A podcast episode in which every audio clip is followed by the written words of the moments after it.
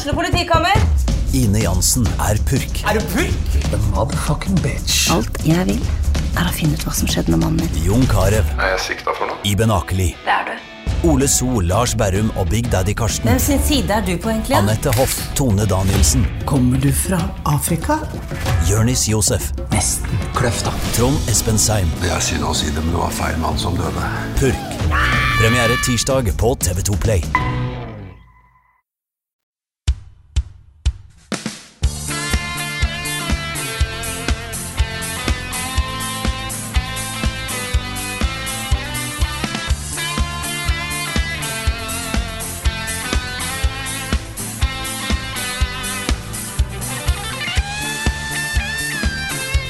E3-sesongen har lagt seg, hypen er over, og vi har overlevd enda et år med spillhype og glede. Er hypen over også? Ja, hypen er ikke over, men, men, men den der anticipation-delen av E3 er jo på en måte over. Ja. Nå, nå Er vi, sånn, kom, blir det noe Bloodborne 2, liksom? ja, det gjorde jo ikke det. Nei, det gjorde ikke det. Ah, Ikke det i år var- heller. Det var good Nei. times da, da vi tenkte på det. Hæ? Ja, det er noe med den Mm. der drømmen om at uh, en dag kanskje, kanskje det kommer. Ja. You never know. Nå er det ganske lenge til neste pressekonferanse, sannsynligvis, hvis ikke Nintendo plutselig har en. ja, Annapurna har en eh, 28. juni. Ok, Mm, og så er det mulig det kommer noe senere i sommer. Og så har du Gamescom, da.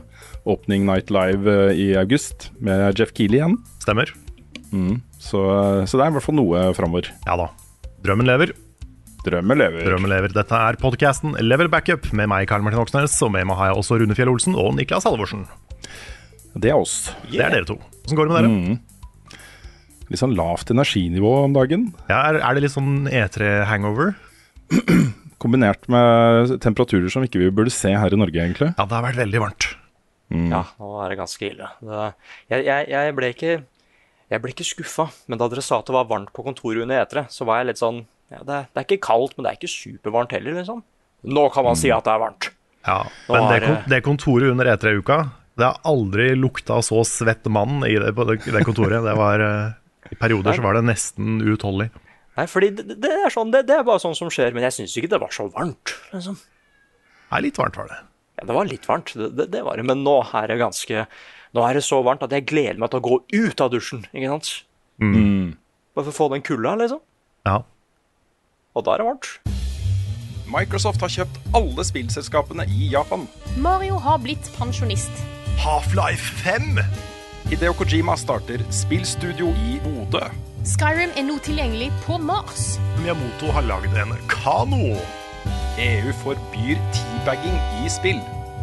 Ukens hotteste. Som vi var innom i introen, så er E3-sesongen over for denne gang. Men eh, vi er ikke ferdig med å snakke om det. Helt. Vi har snakka mye om disse trailerne og nyhetene i uka som har gått. Vi skal snakke litt til om det. Ja, og hvis du vil ha mer, liksom, så har vi jo en hel episode av Spilluka hvor vi går gjennom eh, alle de aller, aller største nyhetene. Den kommer jo tidligere denne uka her. Ligger på YouTube-kanalen vår. Der er det en eh, topp ti av deg, Nick.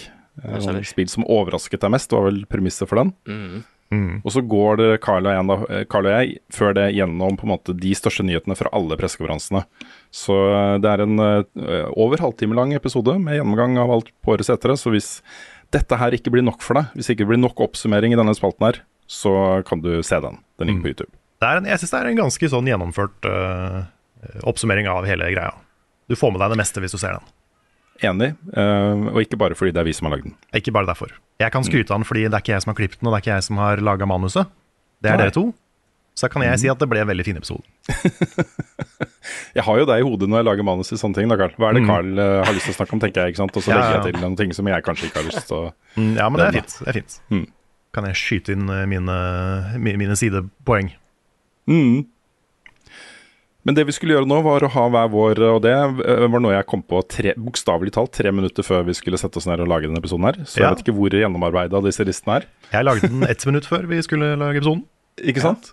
Dette er da topp fem eh, fra årets ikke-etere fra hver av oss. Og vi kan jo legge litt premisser for de listene selv, tenker jeg. Om det er liksom det som Nick gjorde.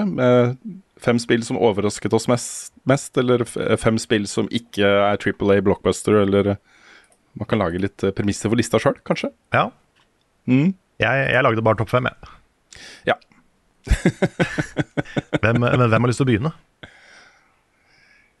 Jeg vet ikke. Kanskje vi skal få unna Nick først, siden du allerede har lagd en liste. Jeg er spent på om det er den samme lista, eller om du har, uh, har laget en ny eh, liste, Nick. Å ja, det, det er mye av det samme, men det er litt mm. annen rekkefølge nå, da. For nå tok jeg egentlig bare de spillene jeg bare likte best. Selv om det ikke Mhm. var overraskende, liksom. Bare, vet du hva, jeg kan ikke vente med å spille de spillene der. Mm. All right, da bare gønner jeg på. på nummer fem, da, eller mm. femteplass, så har vi The Spirit of the Samurai. Ja. Stop motion samurai 2D-action. Ja, det, det ser kult ut, ass. Eh, nei, og jeg syns bare det er gøy med at de type spillene har fått en sånn derre Fått et rykte på seg at de skal se så pene ut. Og her var bare Her var ting så mørkt og trist og gørrete og Skittent, liksom. Ja, ja, ja. Og da var det sånn at da er det liksom tre karakterer. At det er en samurai, en minisamurai og en liten kattunge liksom, som skal jobbe sammen. I denne superskumle verden. Nei, Er det, er det sant at, kat, at, at eh, samuraier hadde kattunger på innsiden av rustningen sin for, for good luck? jeg håper det, ass. Jeg tror det, jeg tror det er sant, for jeg, det har jeg sett flere, flere steder. Men da håper jeg det var skikkelig koselig. At det liksom Ja, jeg håper jo at de hadde det bra, da, at de, de lå komfortabelt. Og, Ja, sånn. hadde de samurai, faktisk Samurai Kittens som hadde lyst til å være med. Og... Men eh, nei, det, det, det, så skikkelig interessant ut. Og igjen, den stop motion-stilen var veldig unikt. Uh, på fjerdeplass, da, der har vi Neva. Fra de som har lagd Gris. Som var eh, den største overraskelsen for meg. For det var sånn jeg ikke forventa at vi skulle se noe I hvert fall på en sånn E3 Jeg, jeg mente at det teamet var ganske lite, liksom. Så det var kult at de fikk en faktisk ordentlig plass på Sony sin pressekonferanse. Og det bare ser så sykt trist ut. Men jeg ser for meg hvor fin historien kan bli, da. Musikken er jo helt nydelig. Jeg lurer på om det er samme, samme komponistartist som har eh, musikk der, også, for det er jo litt i samme gate som Gris. Det er det. Ja, og Tipper det er både samme, samme komponist og samme visuelle artist. Det vil jeg tro. ja, så, så, sånn det litt, så det litt mer ut som en sånn fantasy-setting nå, da. Mm. Noen svær direwolf. Eh, jeg er så veldig spent på det. Lurer på hvordan det blir å spille, siden det så mer ut som et sånt actionspill enn det Gris gjorde. Mm. På tredjeplass, der har jeg Dragons Dogma 2, Mm. som også bare var uh, Det ligna på Dragons Dogma. det var egentlig det jeg håpa mest på. da. Det ser bare ut som Dragons Dogma igjen, med, med mye bedre grafikk. Men nå har de liksom fått dette her eh, Det ser ut som det spillet som de kanskje hadde lyst til å lage, men som teknologien og budsjettet ikke strakk helt til på det første. da. Det så mye med polished ut. Og så var det kult å høre dragen igjen, fordi jeg trodde ikke vi skulle høre han igjen, så jeg er litt spent på åssen timelinen er i det spillet her. Men det var bare kult å se åssen det faktisk skulle være. Så jeg var skikkelig spent på det. På andreplass, der har jeg Starfield, som vi visste skulle dukke opp, og som jeg allerede var skikkelig spent på. Men nå var det bare 40 minutter med 'sånn kommer det til å være å spille Starfield'. All Det var mye. ja, det var skikkelig mye. Og det var sånn der De kunne stoppa etter sånn ti minutter, for da hadde jeg fått litt sånn character creator og hvor svært spillet er, åssen det vil være å utforske og sånn. Men så fortsatte de med bare jo, jo, jo, men sånn kommer det til å være å liksom ha ditt eget romskip, hva jobbene dine kan være, historien, companions du kan ha og sånn. Nei, så jeg, jeg gleder meg til å bare sette meg ned med det, og bare ikke gjøre noe annet. Sånn som jeg hadde litt med Breath of the Wild, eh, nei, Tears of the Kingdom. Sånn der, Jeg trenger ikke å stresse med at jeg spiller for mye, liksom. Jeg blir ikke ferdig med det spillet her med det første. Så det blir veldig, veldig kult. Og kan dere gjette hva som er på toppen, da, dere? Har, Det er vel Spiderman, da. Har en liten anelse om at det kanskje er Spiderman. Det er Spiderman. Ja, det er helt sant. Nei, det, det var uh, Der og da så ble jeg litt irritert for at de viste den nye drakta. The Symbiote Suit. Men så begynte jeg å tenke at ja, men ok, men det er en god grunn, ikke sant? For det er dette her hovedhistorien. De kan ikke gjemme The Symbiote Suit, for vi visste på at den sannsynligvis skulle dukke opp, siden vi visste at Venom var i spillet. Og det bare ser, det ser så mye smoothere ut enn det forrige. Og det, det ser så fett ut, liksom. Det var så smooth og kul, og denne actionsekvensen Og de sa, at, de sa på liksom Twitter etterpå at det var noen av de mer kjedelige delene fra spillet. liksom. Så hvor, hvor crazy kommer det faktisk til å bli? Men hvor lenge kommer han til å ha symbiotsuten? Ja, fordi en... det er den eneste tingen som stresser meg bitte litt. da. Ja, for det er jeg nysgjerrig på.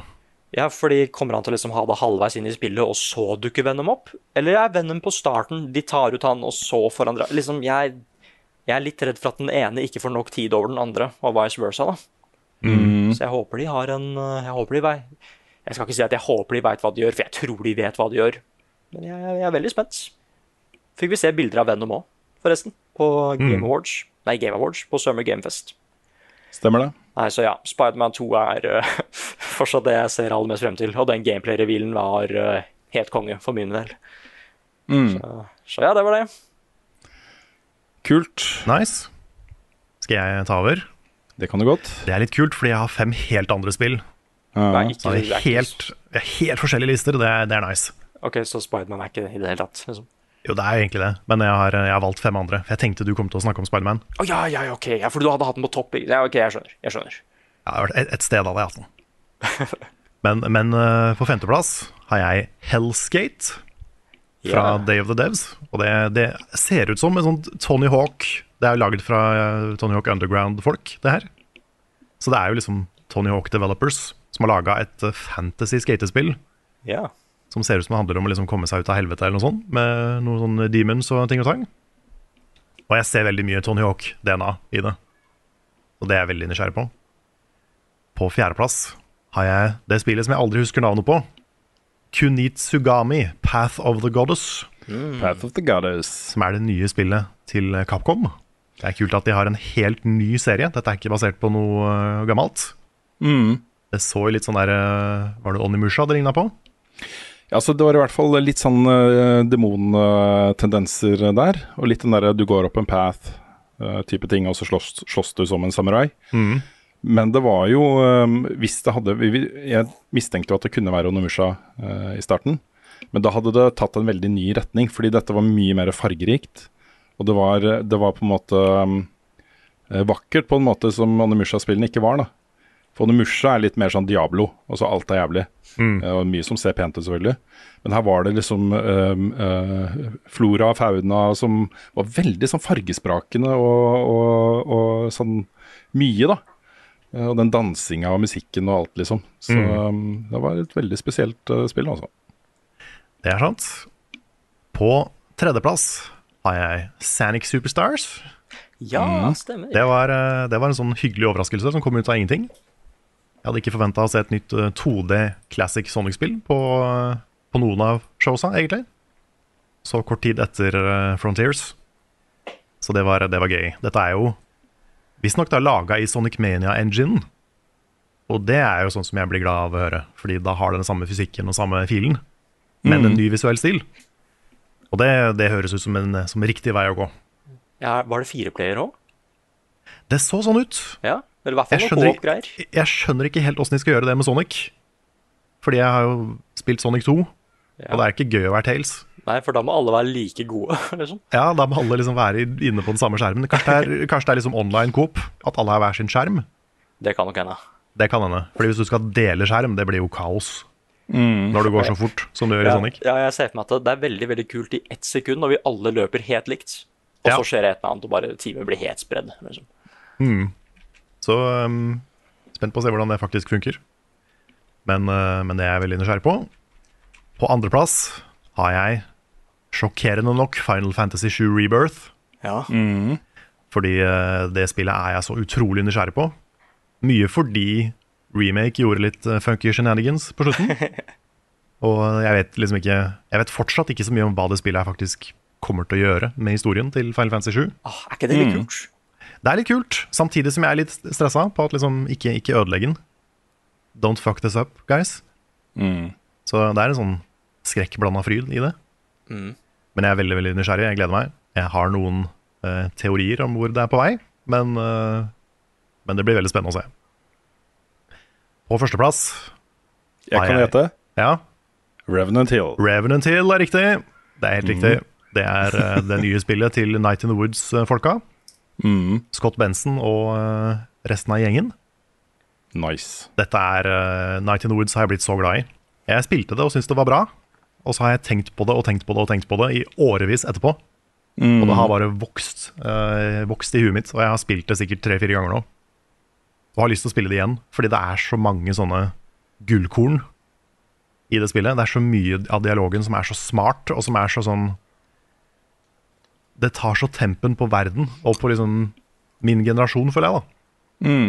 Om det er liksom politisk, eller om det er, handler om hvordan man snakker til hverandre, om det handler om eh, relasjoner. Det er så mange ting det nailer. Mm. Og Og det er, eh, det er så smart. Det er en av de beste historiene jeg har opplevd i et spill. Så den, Og det er eh, veldig spennende. mm, så det gleder jeg meg voldsomt til. Det Mm. skal jeg spille på dag én når det kommer. Da kan jeg informere om at eh, det er bare ett av de spillene jeg nevner som er blitt nevnt av dere to. Ok, Spiderman. Mm.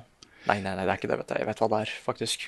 Jeg er, nødt, jeg er nødt til å ta eh, tre honorable mentions, fordi da jeg satte meg ned for å lage en liste her, så, um, så hadde jeg først tenkt å gjøre gjøre sånn som du gjorde, Nick.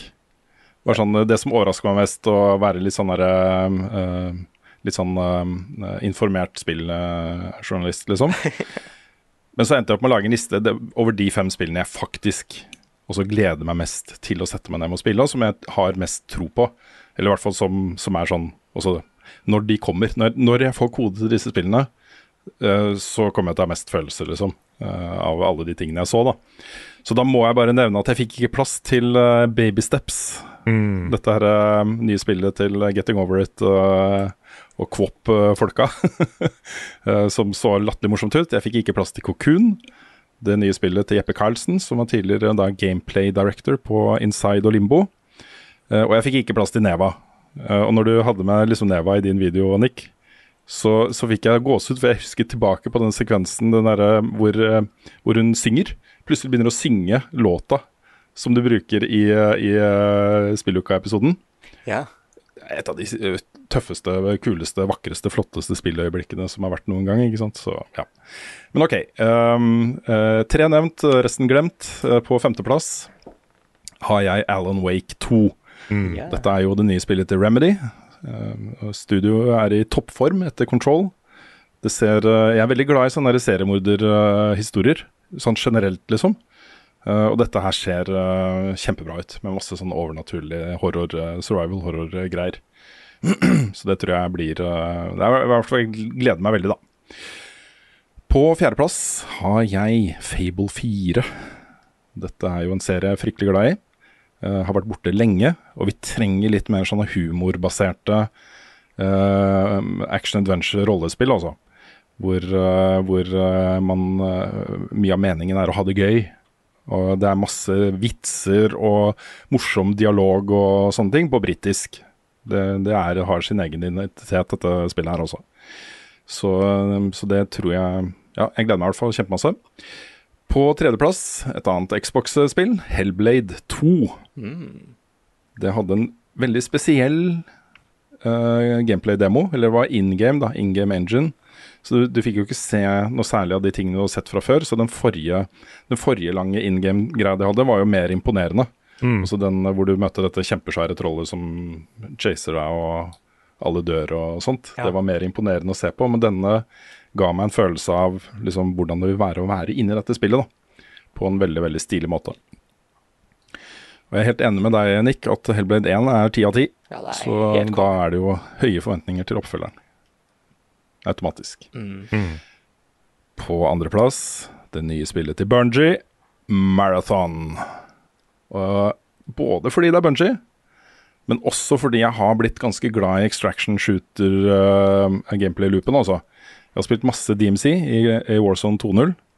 Uh, og dette er et gameplay-konsept som funker. Det er, det er gøy og spennende, og du lager på en måte din egen actionfilm uh, og dine egne historier.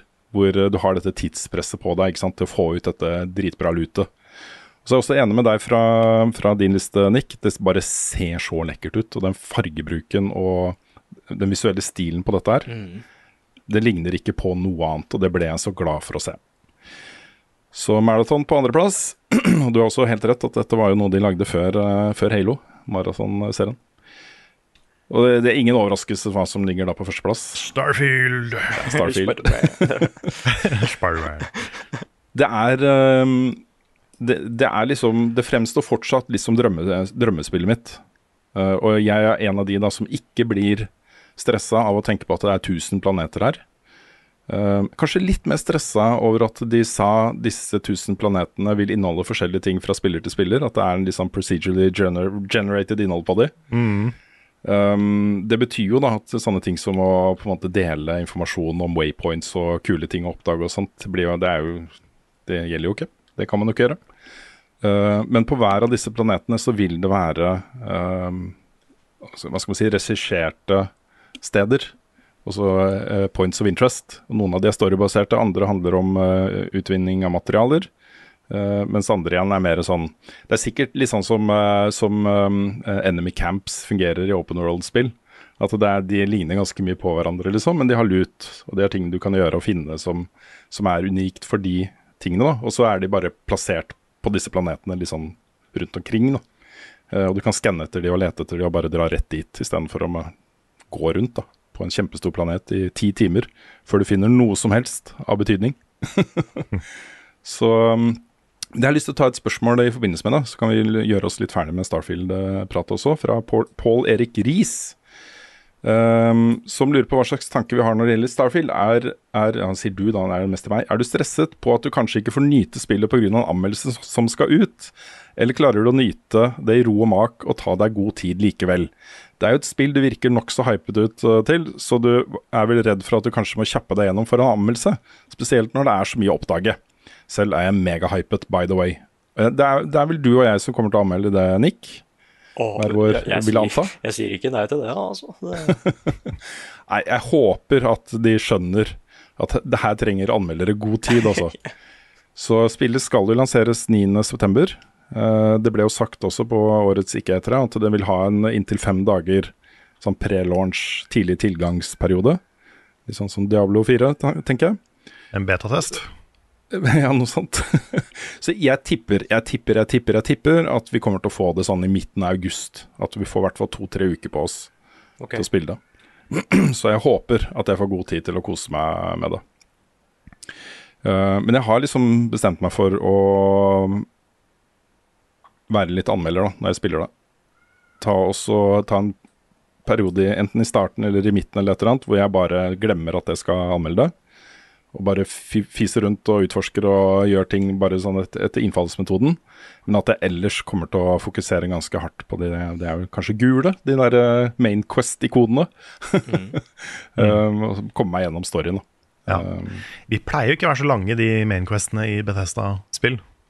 nei, kanskje ikke. I hvert fall Skyrim sin mener jeg var ganske kort. Mm. Ja, det virker jo som om mainquesten her, da Eller jeg vet ikke hva mainquesten kommer til å være, men eh, du har jo disse her eh, mystiske artefaktene fra en annen sivilisasjon, ikke sant? Som, eh, som når du tar de sammen, så begynner de å oppføre seg på en spesiell måte. Så det er helt tydelig at når du samler alle, så kommer det til å skje noe, ikke sant? Og det er jo den biten av Starfield som jeg er mest gira på. Det er det som er mest tiltrekkende for meg. Å leite etter de og finne de og finne ut hva de gjør, ikke sant. Yeah. Så, um, så det her Ja, jeg er uh, veldig spent. Jeg har eh, også en liten greie fra nyhetsspalten her. Eh, vi kan jo ta den nå, siden vi snakker om Starfield. Eh, han som er sjef for da Microsoft Game Studios, som heter Matt Booty Booty? Matt Booty, ja. Matt Booty. Han har sagt til Giant Bomb i podkasten deres at Starfield per i dag har færre bugs nå da enn noe Bethesda-spill har hatt tidligere, til lansering. Ja. Så eh, han prøver å liksom eh, forsikre folk da om at dette ikke blir en bugfest, som jo mange frykter det kommer til å være. Um, det har også blitt kjent at uh, Starfield vil ha 30 FPS på konsoll. At det vil være 4K på Series X og eh, 1440P på Series S. Um, og at uh, på PC så krever det Det krever, du må ha 125 gigabyte ledig plass på en SSD. Oi, oi, oi. Ja, ikke sant? Og det er faktisk ganske betydelig, fordi eh, det, det mest vanlige når man installerer SSD, i hvert fall hvis du har en to, tre, fire år gammel PC, er jo å holde seg til liksom 250 gigabyte, eller maks 500 da. Eh, siden eh, de, de er såpass mye dyrere enn vanlig HDD. Og så har du liksom bare de viktigste ting der. Også vi har Premiere og kanskje ett eller to av de spillene vi spiller fast. Men det er jo, fyller jo fort opp disken. Jeg har ikke 125 gigabyte ledig plass på min SSD nå i dag. Nei, ikke jeg heller. Så, så da må jeg frigjøre, frigjøre plass, rett og slett. Fare for det. Mm. Men ja, 30, Men right, jeg har 30, lyst- 30 FPS. Det, 30 FPS Jeg syns det er litt rart at ikke de tilbyr liksom 1080p 60, da. Ja, muligheten i det minste. For jeg, jeg merker at veldig mange spill pusher liksom fidelity mode over performance mode mye. Det er det som er liksom valgt som standard. Og til og med på, på Star Wars så hadde de det der sam, eh, sammenlignende bildet, hvor det ene sida av bildet som hadde Fidelity, hadde mye mer detaljer. Der hadde de veldig tydelig valgt et bilde som hadde mange detaljer på venstre side av bildet. Ja. Og så sånn, Du har ikke lyst til å velge Fidelity, da, for det ser mye bedre ut. Men det er jo så mye smoothere å spille med performance. Å ja. Så eh, jeg syns det er litt synd at ikke de tilbyr valget engang, liksom. Ja, Det naila i hvert fall eh, beslutningen om at dette skal jeg spille på PC. Ja, Så, ja, ja. um, Men jeg kommer nok til å teste det på, på Series X også. Bare sånn for å kunne mene noe om hvordan det er med 30 FPS. Men det er jo liksom det å gå fra 60 eller mer, da, jeg vet ikke om det er uncapped eller om det er 60 på PC, til 30 er ganske betydelig. Hvis det er det samme spillet og du akkurat har sett det i 60 FPS, så blir det kjempestor forskjell. Men det å sitte og spille gjennom hele Tears of the Kingdom i 200 timer i 30 FPS er jo helt problemfritt. Det går Ja kjempebra. Når det er, når det er smooth og øh, kjører øh, stort sett da, veldig bra, Mm. så, så går det jo fint. Så er det jo, jeg, har, jeg har litt andre forventninger til Switch enn jeg har til øh, Xbox også. Ja, men det er også et eller annet med den der forventningen man har, og det man blir vant til, fordi um, uh, Det er jo ikke så lenge siden alle spill var 30 FPS, Nei, det er sant. så uh, det gikk jo greit, det. Det gjorde det. Det vil si, jeg tror mye var 60 på GameCube og sånn. Ja, det tror det jeg det? òg. Det var en del gamle spill uh, før HD kom, som var 60. Jeg tror det var etter mm. HD så ble det vanskeligere å kjøre 60 Det kommer sikkert noen til å arrestere oss på å si at ja, men absolutt alle spillene på SNES var, eh, var eh, 3000 FPS. Ja, ja. Ja. Nei, men uh, Gameboy hadde 60 frames, tror jeg, for eksempel. Ah, nå skal jeg tulle med det, men det, det kan faktisk stemme. ja. Jeg tror, jeg tror det er en ting. Jeg, det kan det hende at jeg sier feil, men jeg mener å huske at Gameboy-spill hadde ofte høy framerate. Ja, jeg, jeg tenker nok mest på den type spill, da. Mm. Den type sånn som uh, Tomb Raider, uh, Metal Gear, Solid. Eh, jeg mener å huske de, alle de var 30 FPS da de kom. Ja, Nå har vi rota oss bort i en diskusjon som, eh, som jeg vet at jeg kan bli arrestert hardt på. ja, ja. Ocarina of Time var jo under 30. Ja. Det, det var kanskje 20. Mm. Eh, før vi runder av årets seteresnakk, så har jeg også bare lyst til å sveipe innom de to norske eh, innslagene på årets ikke-etere. Det ene var jo at eh, Snusmumrikken fikk eh, lanseringsvindu tidlig i 2024. Jeg tror nesten 90% av det som blir- ble vist fram, skal komme tidlig i 2024. det er i hvert fall et launchvindu jeg kjenner igjen fra mange andre uh, spillannouncements på, på pressekonferansene. Fiscal year, som det heter. Ja, et eller annet. Um, det ser kjempebra ut. Det var på Holsom Direct. Og det er jo en veldig stor og viktig og flott og spennende norsk uh, storsatsing. Det er jo, Mummitrollet er jo kjempesvært i store deler av verden, og Hypergames er et bra team. Så, så det kan bli bra. Og så var det kjempegøy at uh, Dune Awakening uh, avslutta PC Gaming Show. Uh, dette er jo et uh, survival eh, MMO fra norske uh, kinesiskeide Funcom som eh, gir det da muligheten til å bli innbygger på Er det Araka den heter planeten? Arrakis.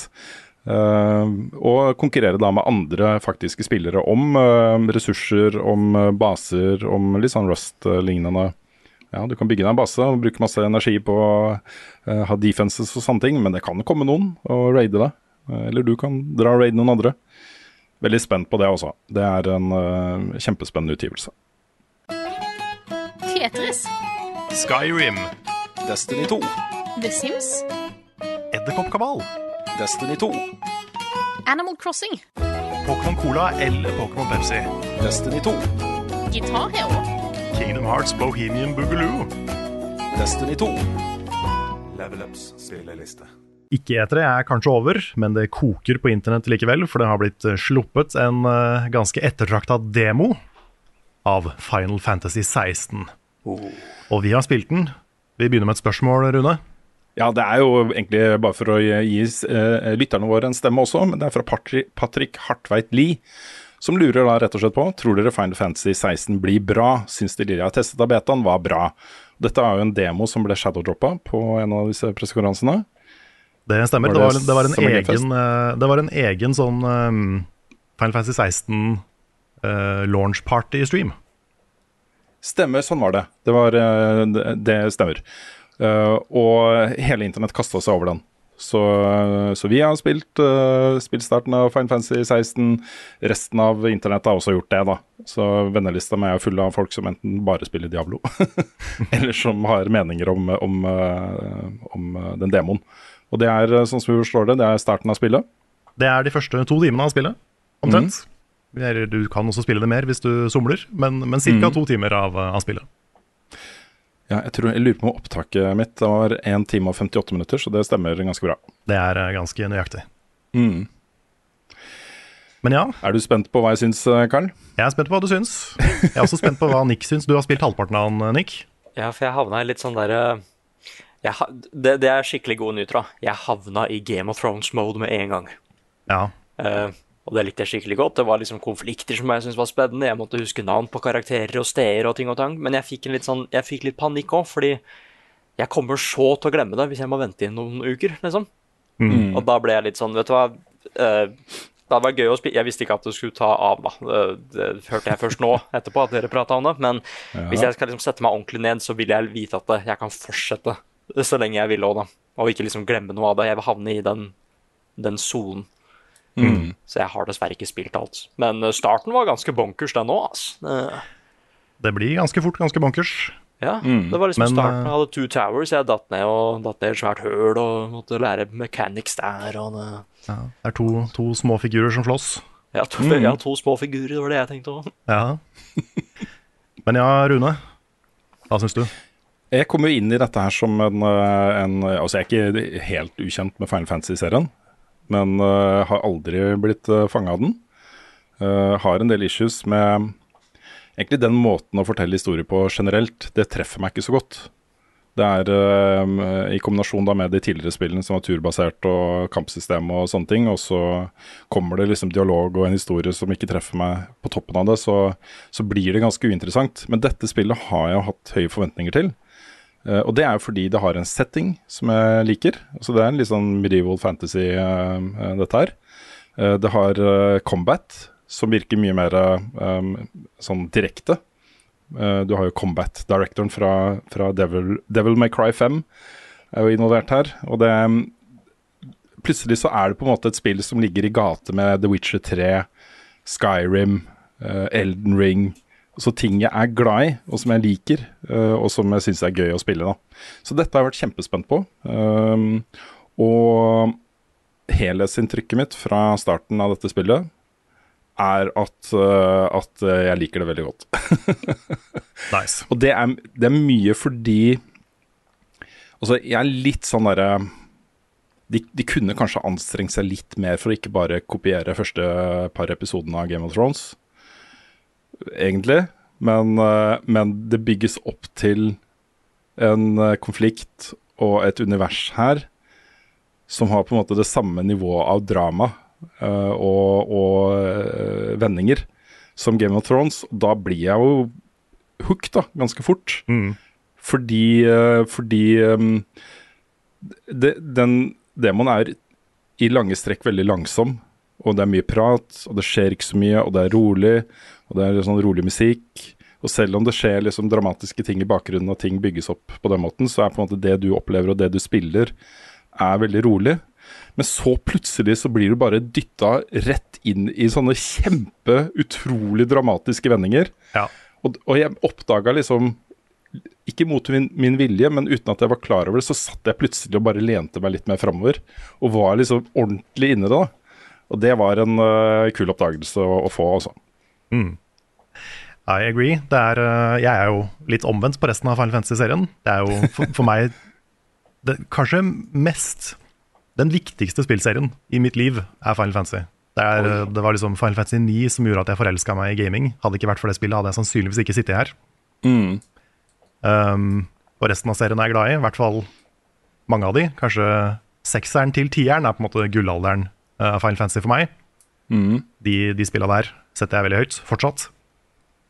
Um, jeg har litt, litt blanda følelser om at uh, de endrer seg såpass mye i dette her. Fordi nå er jo alle Final Fantasy-spill er veldig forskjellige, men dette er første gang de har vært så dark fantasy som det her. De har beveget seg litt vekk fra den der eh, viben og stemningen som spillet har hatt før. Dette er mye mer grounded, mye mer mørkt og brutalt, ikke minst. Dette er det første sånn ordentlig veldig 18 pluss-spillet i Final Fantasy-serien. Og det merker Ja, du med en gang. En av dialogene eh, inni der er jo bare det er You cock! Noe av det første de sier i spillet, er 'you cock'. Og så begynner begynner de å tafse på hverandre, og så er det en som, ro- som løper over skjermen og sier 'fuck, fuck, fuck', fuck, fuck, fuck, fuck. Så det er sånn veldig fort. Så blir det sånn Ja, dette er 18 pluss. Og det, ja, det gjør ikke noe. også bruker fucking i eh, Ja, ja. dialogen sin. Masse, Ja, men- det er masse, masse F-bombs. Jeg sier Mm. det ikke, sier det ikke fuck i andre Final Fantasy-spill. Nei, det tror jeg ikke. Jeg tror de aldri har sagt fuck i et Final Fantasy-spill før nå. Wow. Ikke engang Crystal Chronicles. Ikke engang Crystal Chronicles. Nick. Wow, her kan du se, altså. Men her har jeg, her har jeg en bekymring, da. Ok, Uh, og det er elementer i Selv om det er engasjerende, og selv om jeg blir revet med og sånt, så er det elementer som handler litt om den derre Prøver de litt for hardt? Er det, er det liksom litt anstrengt? Det at de skal være så veldig voksne plutselig, og på en måte gå rett i strupen på type Skyrim og, og The Witcher, liksom? Ah, ja. Er det, er det litt mye? ja, jeg syns de selger det bra. Det gjør jeg. Så for meg så handler det mer om at liksom Jeg håper ikke det mister sjarmen sin av, å, av å gå for mørkt. Ja, jeg har mistanke om at vi kanskje kommer til å gjøre det, da, men vi får se. Vi får se. vi får se Men, øhm, men det jeg vil si da om, om de første timene her, det er at stemmeskuespillet og kameraregi og sånne ting har aldri vært bedre enn i dette her. Det er, dette er kjempebra på de tingene der. Her har du jo, jeg tror, et genuint britisk cast, ikke, et, øh, ikke en gjeng med amerikanere som prøver å være britiske, men de selger liksom den måten å prate på, den gammeldagse engelske eh, dialogen. Og de har bygd en verden som henger på greip, for meg. Og, og det er en, en veldig smart ting de har gjort, er det der active time law-systemet. ja Hvor du det, det, når som helst, hvis du er forvirra, kan du holde inne touchpaden mm. for å få opp liksom relevant informasjon om personene i rommet, og hvem de hører til, og hvilket land de er fra, og sånne ting. Så at du hele tida liksom kan dobbeltsjekke hvis du glemmer hvor noen er fra, og hva, hva handler den samtalen her egentlig om. ja, jeg, jeg elsker den mekanikken. Det er så Den er, smart. den er veldig smart. Fordi det er mange, mange karakterer helt i starten. Og mange forskjellige land og kongeriker og ting og tang, sånn som i Game of Thrones. Mm. Så det er veldig greit å kunne bare pause for å sjekke de tinga. Når som helst. Dragon's Breath og sånn. For jeg bare, ja, De snakka om krystallen og The Iron Kingdom og The Dragon's Breath and The Phoenix of the Shield. og bare, hvor faen? ja, ja. Det, er, det, er mange, det er mange ting. Men jeg liker at de ikke har brukt så mange sånne fremmedord her, for det plaga meg i 13-spilla. Oh, ja. Med at liksom The Lucy og The Falsy og Aradia og sånne ting. Det er, sånn, det er litt mer vanlige ord. Det, er sånn, det er lettere å skjønne hva en Mother Crystal er, enn en fluppity-dump. Ja, og så var det bare én, as you know. Og den følte jeg var litt Ja. naturlig, for han måtte prate med flere folk. liksom. Net nettopp. Ja. Så eh, jeg syns på en måte verden er veldig bra realisert. Og så kommer jo da uh, Nå skal jeg ikke spoile hva som skjer, men ting blir jo veldig mørkt veldig fort. Åh, Og også mørkere enn Final Fantasy pleier å være. Mm. Ganske mye mørkere. Og det, det er litt sånn Det er litt som første gang man ser gjennom Evangelion, føler jeg. Den, den der, det er sånn, du blir litt sjokkert av hvor, hvor gærent det går. Åh, dette, er, dette er det jeg liker å høre. Så dette er jo en, det er jo en hook, sånn sett. Og det, Ja, så De siste 20 minuttene av, av demoen der er jo eh, det, det er litt sånn jaw-dropping greier som skjer, liksom. det er det. Det er det. Det, er, eh, det, det, det, det går hardt. Det går hardere enn det pleier, så det, Ja, det går veldig hardt. det gjør det. Men jeg syns jo også, da, for å snakke litt om uh, combaten og, og sånn Dette er også en veldig annerledes uh, vri på Final Fantasy. Da er det veldig lenge siden det har vært turbasert. Det er vel nesten ti år siden nå. Um, 15, var, ikke- 15 var ikke det, og 13 var for så vidt det. Ikke det siste av de, men de to første. Mm. Um, så er jo, de har jo gått vekk fra det eh, ganske lenge siden, så det plager meg ikke. Selv om jeg liker turbasert, så er det, jeg klarer meg fint uten. Men dette er mye mer action enn det pleier å være. Mm. Til og med i Shoe Remake, som var ganske action, så kan du jo pause for å velge commands og sånn. Det kan du ikke her. Det er ikke noe, ikke noe pause for å velge noe som helst. Du bare Alt skjer i real time. Mm. Um, og i starten så er jo combaten ganske enkel. Litt sånn Litt sånn Witcher Souls-aktig, at du har liksom en angrepsknapp, og du har en uh, range-angrepsknapp. Og en dodge-knapp, og du kan parrye, og du kan alle de tingene her. Men etter hvert, da, i, eh, for du får jo tilgang til en sånn battle på slutten av demoen, hvor du kan se hvordan kampsystemet er seinere i spillet. Hvor du har tilgang til flere icons og flere liksom, special moves. Uh, der ser du liksom hvordan det blir, da. Og det blir jo en sånn fyrverkeri uh, crazy combat fest, hvor uh, du har massevis av elaborate, avanserte moves som du skifter mellom, og forskjellige movesets og ting og tang. Så det blir jo ganske sånn Det blir jo ganske spektakulært etter hvert. Mm. Men jeg liker også at det begynner litt rolig. At du liksom du får feelingen av basic Mm. combat før, før de går dit. da Så En ting som jeg nok mistenker at, uh, at uh, det kommer til å komme svar på uh, etter, etter demoen, men i hvert fall uh, Det har jo et levelingssystem, dette her. Det er jo et rollespill som ligger til bunn. Du går opp i level, og du kan se liksom at du får mer stats på strength og alle disse tingene som man har i rollespill. da. Men i hvert fall i demoen så er det jo ingen mulighet for å på en måte grinde ut levels eller noen sånne ting. Du får jo bare de levelsene ved å bare spille historien. Det er veldig lineært. Jeg tipper nok at det blir mer åpent, at du skal kunne gå inn og investere i, i forskjellige greier etter hvert, liksom. Men det er en sånn ting som også uh, føles litt påklistra i demoen. Hvor uh, ja, vi må lage et rollespill, og det må appellere til, uh, til de som liker vestlige rollespill, og derfor så må vi ha et level-system og Nei, Og der er jeg ikke enig. Ja, men det går jo bare opp i level. Du gjør Ja, men Final Fantasy har alltid gjort det. Ja, ok. Det er siden det første. Ja, ok.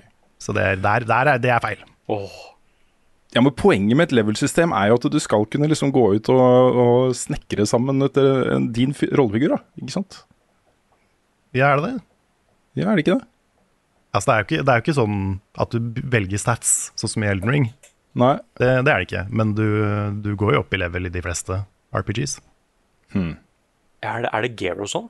Liksom våpen og Du har, du har våpen og accessories og Ja, ok. Sånn, Ja, for, ja, fordi da, da ser jeg ikke Nå må dere roe dere ned her, dere altså. Dere er venner. Det er, det er skikkelig varmt òg. Så jeg skjønner at Det er varmt. Ja, nei, men men eh, måten du på en måte customiser i det, i det spillet her på, da, det er mer eh, at du velger accessories, og du velger uh, på det ability-treet, så velger du hva du vil fokusere på.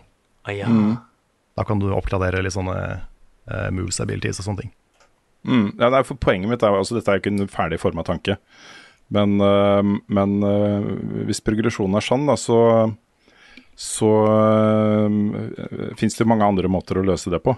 Ved f.eks. Altså i Ratchet Clank for eksempel, du får tilgang til nytt, nytt våpen, nye abilities, ved å bare finne de, ikke sant, gjennom å spille spillet. Det er litt sånn det føles her, da. Hvis du bare går opp i level ved å spille spillet på den måten, så, så kom, jeg, jeg mistenker at jeg kanskje kommer til å savne litt den derre det å putte poeng inn i stats og grinde ut ting og gå for en bild, ikke sant. Ja, det, det er nok ikke så åpent, tror jeg, som, uh, som en del andre sånne spill. Men at det blir mulighet for å grinde etter ting og gjøre sideting etter hvert, det gjør det. Mm. Nei, jeg er spent og jeg er gira, og det rev jo meg bort fra Diablo 4, den demoen, så, så det, er, det er noe her som uh, treffer meg. Det, er, eh, det blir eh, spennende å se hvor det går, altså. ja. Jeg ble kjempespent av den ene timen. For det, jeg, er så, jeg er en sucker for god law. Er, ja, og her var det skikkelig god og spennende law. Det er mye law. Ja, Mm. det er det jeg ser Hele veien. en- holdt på å si, det, er, det jeg ser i en bra historie. En woman, liksom. God law. Og her så det skikkelig spennende ut. Og så er jeg bare spent på Jeg, jeg veit at det skal skje en twist, ikke sant? De bygger opp til noe her. Fordi timelinen er litt rar. Det starter liksom i nåtid og så i fortiden, eller sånn, så noe må jo ha skjedd. Ja, det ble også veldig godt forklart da, i, i demoen. Også hvorfor de gjør den uh, timeskippen og uh, går tilbake i tid. Mm. Uh, det er veldig engasjerende. Det er veldig god, god greie, det der. Du, du kan jo også plukke opp at uh, i før flashbacket til da Clive var ung, Ja. uh, så ser du at, han, at voksen-Clive har en sånn Han Ser ut som en tatovering. Ja, er Et merke på kinnet. Mm. Og det kan du jo kan du jo sånn delvis finne ut av hva er for noe i løpet av den. Mm. Ja. And I did. Yeah. Det er ikke sikkert han har lyst på den. Nei. Nei. Jeg må jo også si da at uh, dette her er jo en sånn dusteting å kritisere spillet for. Men altså, det håret, håret deres Du skal ikke kritisk? Jeg blir forstyrra av å se de hårsveisene, altså. Jeg gjør det. Ja, men det var sånn Nei, det var, det- Rune. Ja, sånn det var i middelalderen. Nei, men jeg synes Clive er ikke Han ser ut som John Snow, gjør han ikke det? Nei, men også uh, i, i tilba ja, Det ser bedre ut i nåtiden, men i tilbakeblikket, hvor han har liksom deler av håret går ene veien, andre går andre veien, og det er helt åpenbart utrolig mye gelé i det håret Ja. hans. Ja, ja. Altså, det er et boyband-hår. Ja, japansk det er Ja, er boyband-hår. jeg er litt enig, men uh, Nei, han sovna på den ene sida, og så er det noe magi og liksom. Ja, ja, ja. ja det, jeg tror jeg, jeg er så vant til de andre spilla, hvor det er mye verre. Så det, det, er, det er jeg blitt litt immun mot, tror jeg. Ja, det, det, er bare en sånn ting jeg er ikke vant til å se det. Og så er det jo helt åpenbart også uh, Man har jo fashion også i middelalderen, ikke sant. Og det er, tilfeldigvis er det bare japanske boyband som er fashion da, da. Sånn øh, tilfeldig, liksom. Så jeg kan akseptere det, men det er bare, jeg blir litt forstyrra av det. Ja. De, de, de ser litt for kjekke ut, disse folka, liksom. Ja da. Det er, det, er, det er mye verre i Final Fantasy 7 Remake. Ja, For der er sånn der, det er veldig du, du kan se på første screenshot hvem som er hovedpersonen i spillet. Det er liksom NPC-er ser helt normale ut, satt Ja. opp mot liksom Barrett som går rundt med sånn gun arm, og Cloud med håret. Og det, er sånn, ja, ja, det ja. er en helt annen verden. Men de er alle ganske pene, ass. Det er, uh... Ja, jeg synes det er litt morsomt, da. ja, det er veldig gøy. Men Hvis vi er ferdig med den, så er det jo Det kommer jo en annen demo under ikke etter deg, som du har spilt, øh, Nick. Har du også spilt den, Carl? Nei, jeg, har, eh, jeg tenkte jeg skulle gjøre det i dag. Ja, Ja, nettopp. ja, ja. Lies of P. ja jeg holdt på å si, Mens dere har spilt skikkelig Fine Fantasy, så har jeg spilt Pinocchio. Ja. Pinocchio Bloodborne. det er, ja, det er skikkelig koselig Pinocchio Bloodborne. Og her er det, her er det potential, dere. Det, det ser faktisk veldig veldig lovende ut. Uh, settingen er veldig kul. Atmosfæren er skikkelig Bloodborne. Uh, skal ikke jeg si for mye, fordi det er kult å oppleve det selv, og sånn også, men jeg ble Veldig ofte når disse her uh, Souls-like-spillene dukker opp, så merker du at uh, de prøver å gjøre sin egen greie òg, men de går også litt for mye for Souls-retningen av og til, og det kanskje mangler litt polish. Men det, det, det føles ikke sånn som det er her, da. Her har de en veldig veldig unik setting med disse her robot, holdt på å si, robotdokkene og sånn. Og hva de gjør med i hvert fall progresjon, så er det veldig mye likt, men det er også mye som er annerledes. Vå, alle våpen består av to deler, f.eks. Du har liksom håndtaket og bladet, som du kan mikse og matche sammen for å lage ditt eget våpen. da. Så hvis du liker én, du liker musettet til det, men abilitiesene til noe annet, så kan du mitchmashe. Lage hva Ja, du det er kult. Ja, det er veldig, veldig er interessant. Nei, så hvis du, hvis du finner et blad, et sverdblad som er skikkelig svært, men du liker ikke liksom musettet til det, fordi det er håndtaket som bestemmer musettet, så finn et håndtak du liker bedre, liksom, til det våpenet. Og det er ganske interessant, så det var veldig mye kul customization.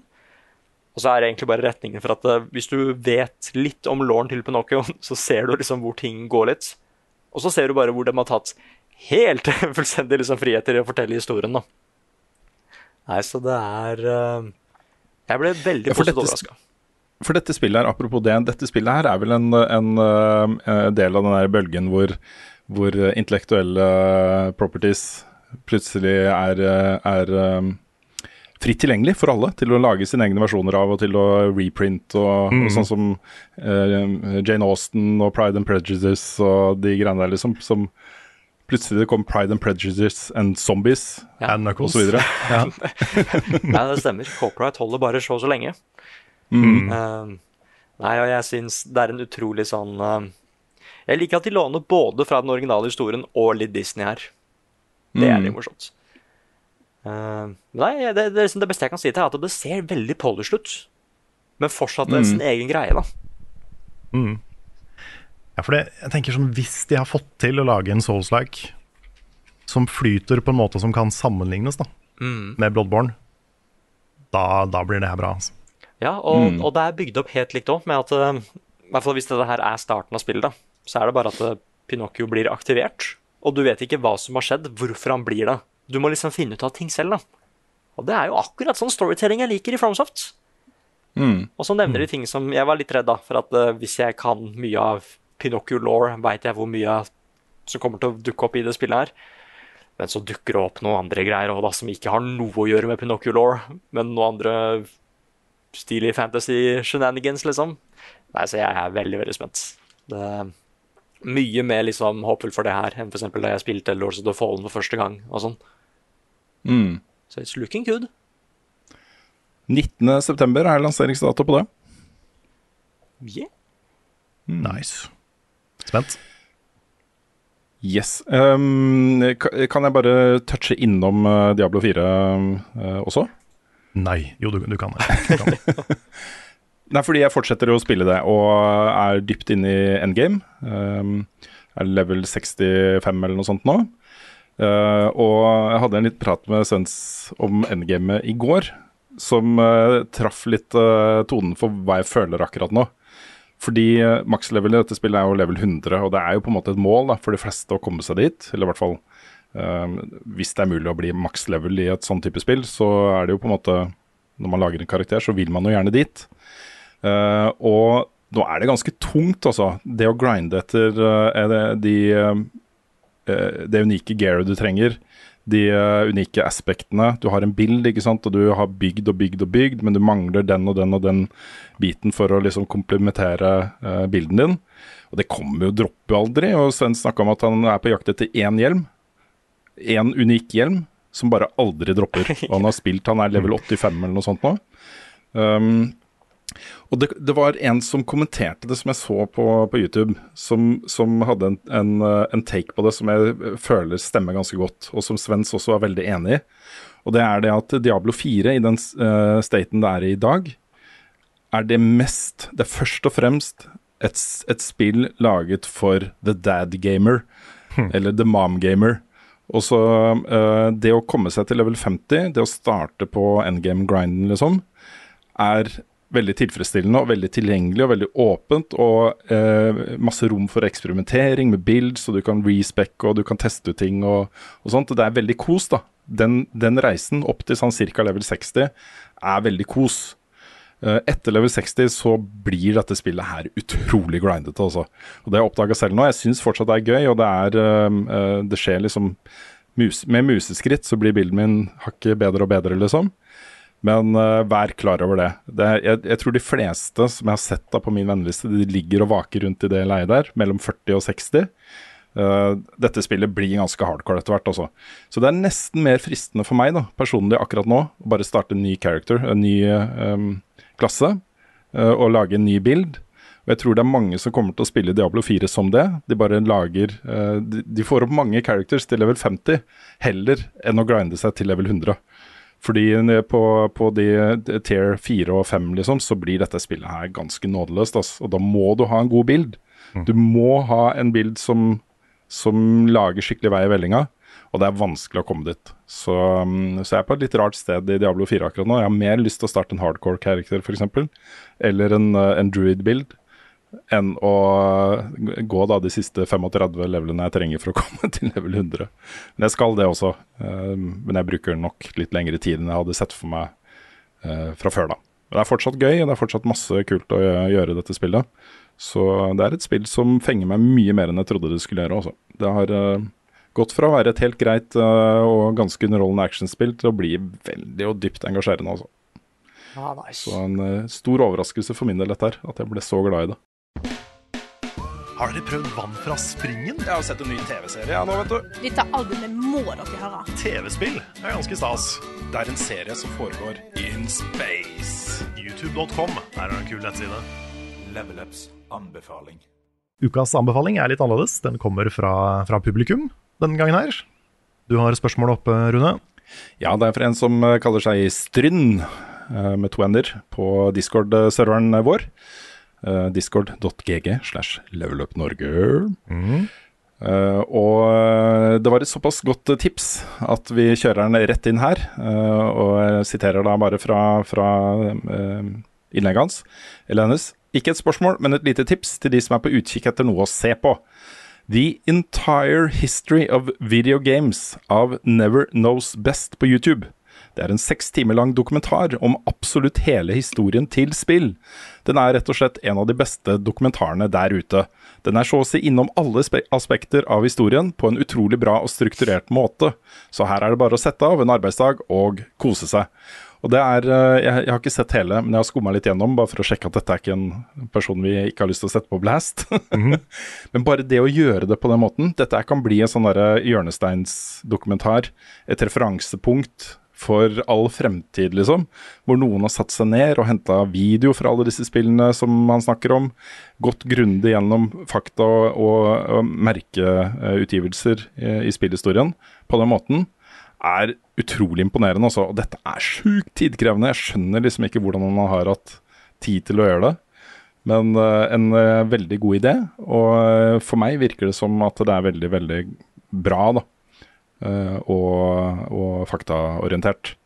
Dette var en YouTuber som jeg ikke kjente fra før, men da du var inne for å se på, på denne her, Nick, så sa du at du har sett mange av videoene hans før. jeg hadde visst det, jeg bare, jeg bare ikke tenkt på å vite, vite hva han heter. nei, for han har gått gjennom videoer hvor han snakker om en time langt om Nier Automata, og en som heter Dark Souls is underrated som høres ganske men han, men, men, han, men, han, sier liksom at selv om det har fått så mye oppmerksomhet, så er det fortsatt underrated. Liksom. Um, mm. Han har også en som heter Eldring is Disappointing, da, som kanskje fikk meg til å se på han først. Fordi det var litt sånn okay. Det høres litt negativt ut, men han har noen, han har noen poenger, liksom. Nei, så jeg liker veldig godt åssen videoene videoen hans fungerer. Han var en av de som fikk meg inn i de der eh, timelange videoene som jeg vanligvis ikke så på før. Da kunne jeg se på det mens jeg spilte, eller se på det i chunks. Mm. Altså seks timer om uh, hele spillmediets uh, historie, altså. Fra youtuberen Never Knows Best i ett ord. Never Knows Best. Check a look. Her kommer nyheter med Rune Fjell-Olsen, og han har ikke hår. Nå har det jo vært uh, ikke-etere med masse pressekonferanser og masse nyheter og sånne ting. Vi har dekket mye av det tidligere i episoden. Vi har også dekket mye mer av det i spilluka som kom ut uh, tidligere denne uka her. Uh, og ikke minst så har vi alle disse streamene, da, hvor vi sitter og live-kommenterer og analyserer uh, pressekonferansene. Det ligger på Twitch-kanalen vår, Level Up Nord. Masse. Men det kommer jo en annen nyhet sånn i kjølvannet av ikke-etere, som var veldig etterlengta. Ikke bare for oss her i redaksjonen, men for spillfolk generelt. Og det var jo at det var liksom frislipp av masse ny info om Armored Core 6 Fires of Rubicon. Der var det en prestasjon da, som, uh, som uh, spillpresse og uh, youtubere og sånt fikk, fikk, se på. Der ligger bl.a. en lang video fra Vatividia der. Fighting Cowboys er en video. dette er jo da i sånn grunnleggende informasjon om spillet som ikke var kjent fra før. Og Du har tatt en titt på, på den informasjonen, Nick. Hva, hva, er på en måte bullet points fra, fra det vi nå vet om Fires of Rubicon? Det er at det er veldig gode nyheter for dere to, okay. og litt blanda for meg. Ok. Er det jeg har. Og det er det, nei da. Uh, det første er at Og da går vi videre. det første er at her er det Her var det overraskende mye mer Souls-DNA enn det jeg trodde det skulle være. Ja, var det det? Det var det. Uh, det er et ordentlig lock-on-system nå, faktisk, hvor du kan lokke om på liksom, enkelte fiender. Aldri vært i Armored Core. Her må du liksom ha kontrollert ting selv, ikke sant. Og på en måte syns jeg det fungerer veldig veldig bra, fordi her er, her er kampene litt mer sånn dynamiske. Mye av det du slåss med til Armor Core, har egentlig bare stått stille og skyter litt på deg. Men her så er fiender mye mer aggressive, du må holde, dodge dem. Mye, du har mye mer kontroll på roboten din da, i disse kampene her. Eh, og grunnen til at det var veldig kult, er fordi at da har du faktisk mer kontroll på det som skjer. da. Det kan bli litt crazy når du spiller Armored Core. Men jeg er litt sånn usikker på det, fordi noe av det som også var litt kult, og det som gjorde at jeg følte meg litt god, ga meg mestringsfølelse, sånn, var fordi at du klarte å holde styr på det som skjedde, når ting gikk veldig veldig fort. da. Hvis du slåss mot en robot som plutselig var dritrask, så måtte du faktisk bli god nok til å klare å fange den med øya dine og kontrollen, liksom. Så jeg håper at de har en noen sånn Vet ikke helt åssen de skulle gjort det, men at det er noe mulighet for at det kanskje blir skrudd av eller deaktivert i enkelte kamper, eller etter at du blir truffet av bestemte ting eller noe sånt. da. Så du kan fortsatt få den der følelsen at du slåss mot noe som er veldig veldig rask, som du ikke helt klarer å følge med øya, liksom. Um, det er nå et, uh, et faktisk Estus Flask-system i Armor Core. Hei! Du, får, um, du får repair kits. Og det jeg så da, var en som hadde tre eller fire repair kits, som du da kan bruke når du har lite liv og sånn. Som ikke har vært i Armor Core. Du har som regel starta med at uh, dette er oppdraget, dette er så mye liv du får. Og så har det vært noen få tilfeller hvor du enten kan spørre om repair, Eller at du må passe på et punkt som kan gi deg repair. Så det har aldri vært at du har hatt full kontroll på når du skal heales og sånn. da. Eh, også en sånn litt opp og ned. Jeg liker den tanken med at du må være helt forberedt før du skal inn i et oppdrag. Men det gjør kampene litt mer dynamiske. Du kan være litt mer crazy hvis du vet at du kan heale midt i òg, men du må fortsatt være litt forsiktig. Så jeg ser, jeg ser de positive sidene av det. da. Og jeg føler at det, går greit, fordi levelsa ser ut til å være litt lenger i det spillet her. De ser ut til å være litt mer lineære. Og det vil jeg forresten si, da. Dette er uten tvil det peneste liksom, Armor Core har sett ut noen gang. Det har eh, både på detaljer og, og det tekniske. Men det er en serie som ikke har vært kjent til å ha vært uh, så pen. Men nå ser det, det ser kjempebra ut. Jeg, jeg gleder meg. Hvis han er dritsvær, og sånn skalaen er helt insane. og det, Verden ser så utrolig mye mer spennende ut å utforske og være i da, enn det Armor Core har gjort før. Så det er veldig, veldig stilig. Nei, og så er det eneste som jeg er litt usikker på, er at det, det ser ut til å være Jeg har hørt at det, det virker til å være litt sånn som Monster Hunter World var for Monster Hunter-fans. Med at de kanskje har liksom dumma ned et par ting, sånn at det var lettere for folk å komme seg inn i serien. Og det ser det veldig ut at det er her. Med at uh, du har ikke like mange deler til å lage roboten din i det spillet her. Og noe av det liker jeg veldig godt. Jeg liker ikke å liksom finne et kjølesystem til roboten min, det, for det er en ting. Men samtidig så syns jeg det var litt kult med at det var mange deler. òg, fordi når du da fant noe som fungerte skikkelig, så var det et sånt veldig kult Eureka-øyeblikk. da. Så jeg håper de fortsatt har det. At uh, ja, igjen, ikke like komplekst, men fortsatt utrolig tilfredsstillende når du klarer å bygge en fungerende robot. Hmm. Så var det sånne utrolig kule ting med at uh, roboten din blir sånn sånn battle worn. Du kan se at den har vært ute i kamp og sånn før, helt til du gir den en ny, til du gir den en ny farge og sånn. da. Og Det er veldig veldig kult, for da kan du få en sånn unik farge på roboten din som du bare har hatt fordi du har spilt mye med den og vært i kule kamper og sånn. Kan den bli gul? Den kan bli så gul. Eh, Du har full kontroll på farger og sånn. Det var en som gjorde den oransje i det jeg så.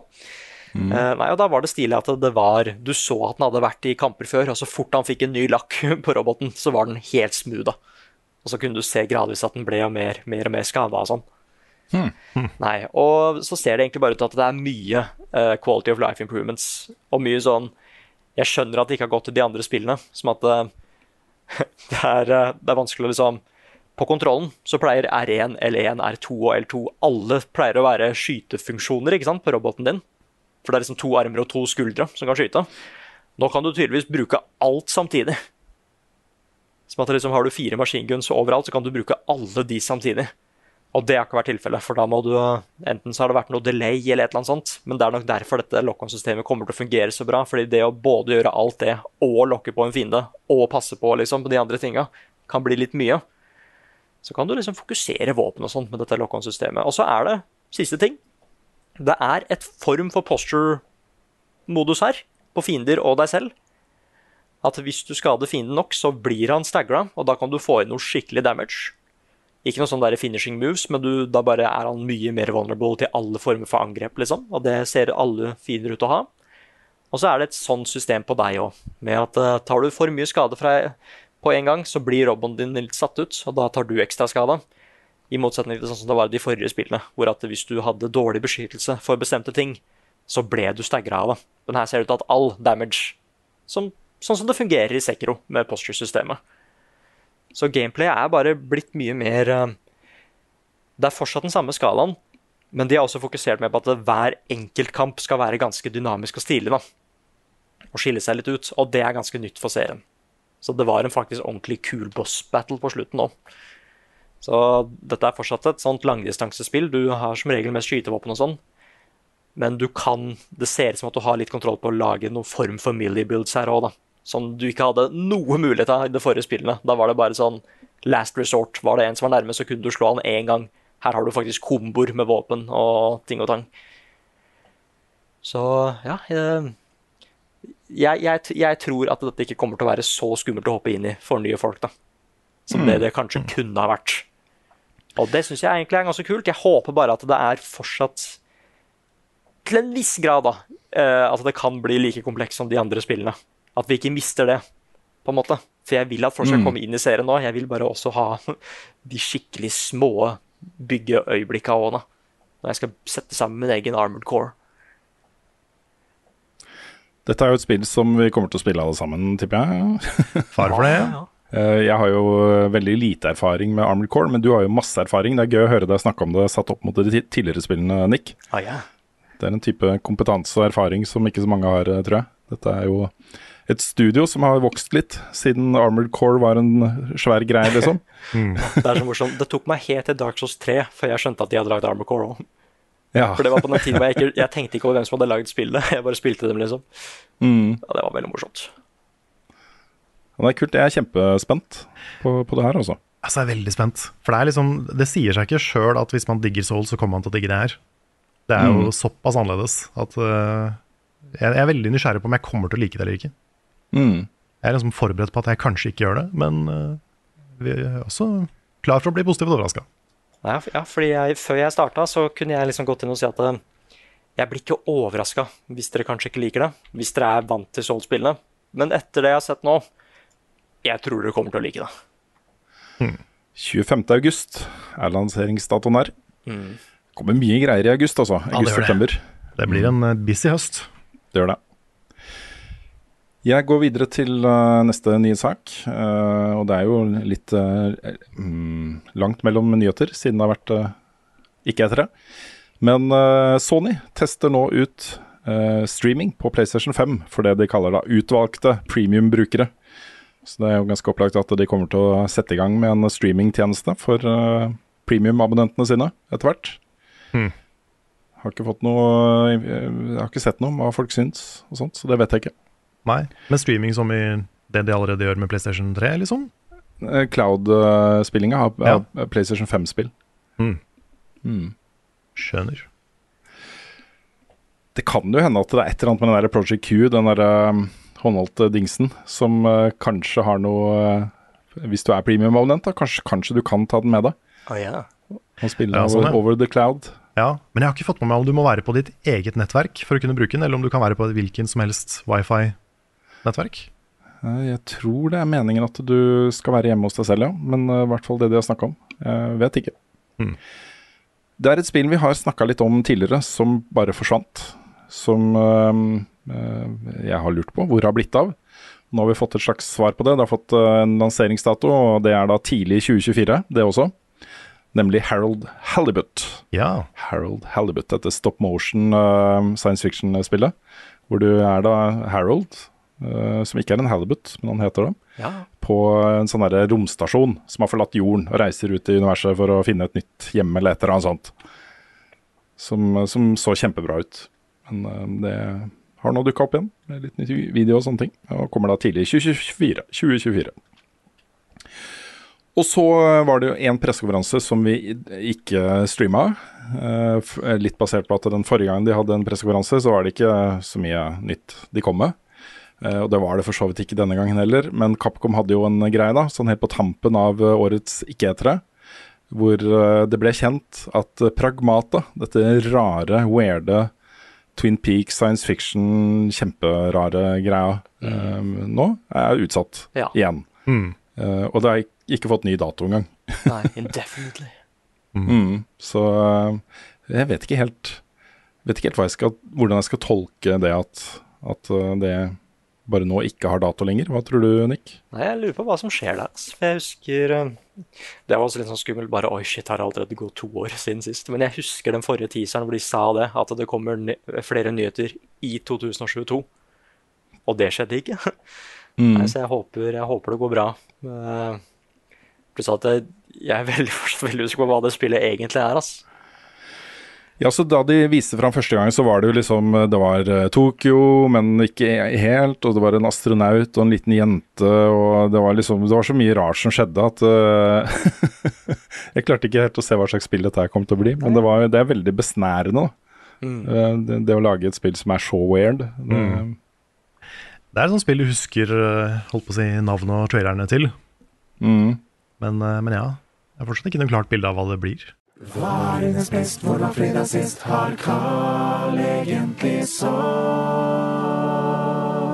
Ukens spørsmål. Vi begynner med et spørsmål fra Fjøsnissen på Discord.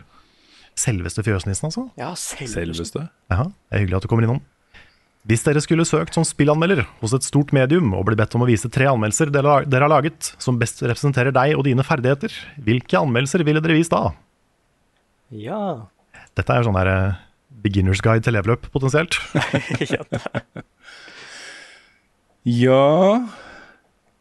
Jeg, det, jeg syns jo det er kjempevanskelig, men øhm, jeg vet ikke om jeg har noe, noen øh, egentlig sånn nøye gjennomtenkte. Men jeg tror jeg ville valgt noe som var relativt nytt.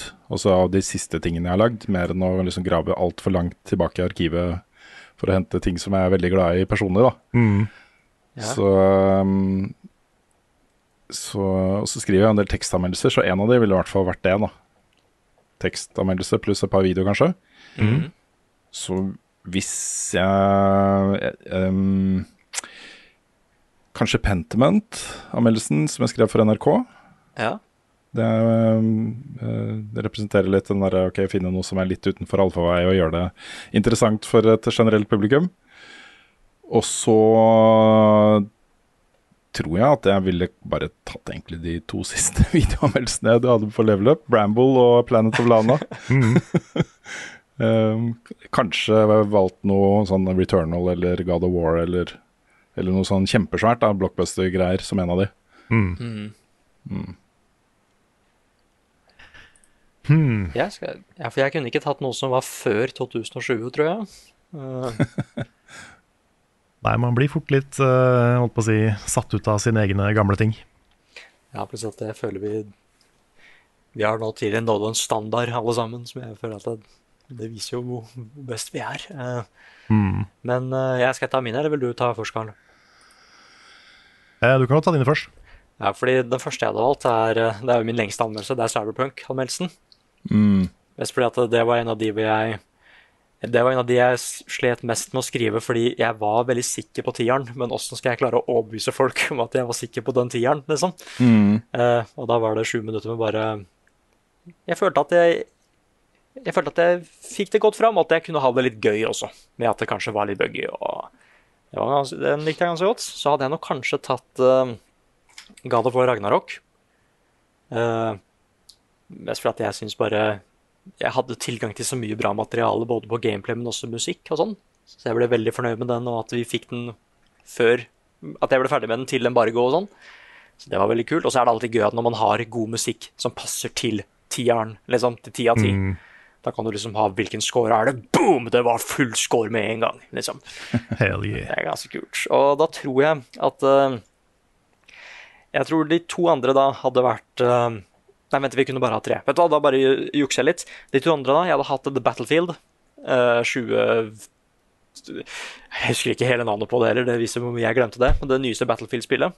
Mm. For det var et av de få spillene hvor jeg følte jeg liksom kunne Det er litt gøy å bare ikke dunke på et spill, men si hvor skuffa du er, kan være litt digg òg, på en måte. Mm. Og her var jeg ganske skuffa. Jeg ble sjokkert over hvor skuffa jeg var, men jeg kunne fortsatt ha det veldig gøy med det spillet. Tok kule snipershots og sånn. Og så tror jeg at jeg hadde tatt Far Cry. eh, Den nyeste Far Cry-anmeldelsen. Mm. For der eh, Jeg ga det ikke en så høy score, men jeg husker at det var veldig gøy å lage den. Jeg fikk til mye morsomme ting med gameplay der som jeg følte jeg ikke kunne gjøre i de andre Open World-spillene jeg hadde lagd. Så det er, ja, de som, viser at jeg, de som viser at jeg både var kanskje litt flink, men altså hadde litt gøy på jobb når jeg lagde dem. Det er det jeg vil Mm. vise. Gode valg, alle de tre. Ja, Mm. tenker you. Jeg tror jeg hadde valgt eh, Disco Elysium som en av de. Ja. Mm. Um, Immortality og Nack 2. Oi, Nack 2! Du, du Knack tør det, altså? Jeg tror det måtte blitt de tre. Ja. Ja, der er det. Det er jo Carl. Ja, Det er jo Ja. ja, for da får du liksom litt, litt av alt. Mm. Så jeg, jeg var litt innom uh, Final Fantasy 14 og Kingdom Hearts 3 òg, men de er så lange og veldig sånn Det er ikke sikkert de hadde funka så bra i den sammenhengen. Mm. Nei. Hadde det ikke vært anmeldelse, og jeg skulle dratt med hele gjengen, så hadde jeg bare sendt duellen. Ja, Ja, det er smart. det er klasse. klasse. For Det er der, det. der føler jeg vi alle er på vårt beste, liksom. Ja, Hvis vi skal selge hele redaksjonen, liksom. Mm. Mm. For jeg tenker liksom, Du tar da duellen, og så kommer no scope. liksom. Ja. Skal vi ta neste spørsmål? Det kan vi gjøre. Har dere noe? Det har jeg. Kjør på. Kan du Det er rett fra Tobias Winterdal, som spør da Tror dere From Software venter med Elden Ring DLC til etter Armored Core er ute? Kanskje vi ser det igjen på Game Awards. Det er jo en god teori, da, i hvert fall. Det er det. Ja, så um, um, Om ikke altså det, Nå har vi jo Opening Night Live, da, Gamescom, som en Ja. uh, mulighet her, folkens. Det er sant. Jeg bare føler aldri at det skjer noe stort på de. At de er ofte litt sånn downer. Ja, det er kanskje, kanskje Vi skal nok dekke det og sånt, men uh, Mm. det, jeg, jeg tror nok uh, dessverre Tobias har et poeng også. Så, men også Dette er jo også en sånn delelse som bare plutselig kan komme, da. Mm. Ikke sant? At de ikke skal bygge opp så mye hype. De trenger jo ikke det. De kan Nei. bare slippe det, og så kommer det til å bli spilt ræva av uansett, liksom. Så um, Det er kanskje det jeg håper på. At ikke de sier mer. At ikke de viser noe fra det. Bare slipper det. Ja. jeg, jeg har så lyst på den. Jeg kan ikke huske sist gang det har vært en så svær stelt lansering liksom, av noe. Mm. Åh, det hadde vært så kult. Ja, det har vært overlegent. Ja. Jeg er litt liksom spent på hvor, hvor mye tid de kommer til å putte inn også.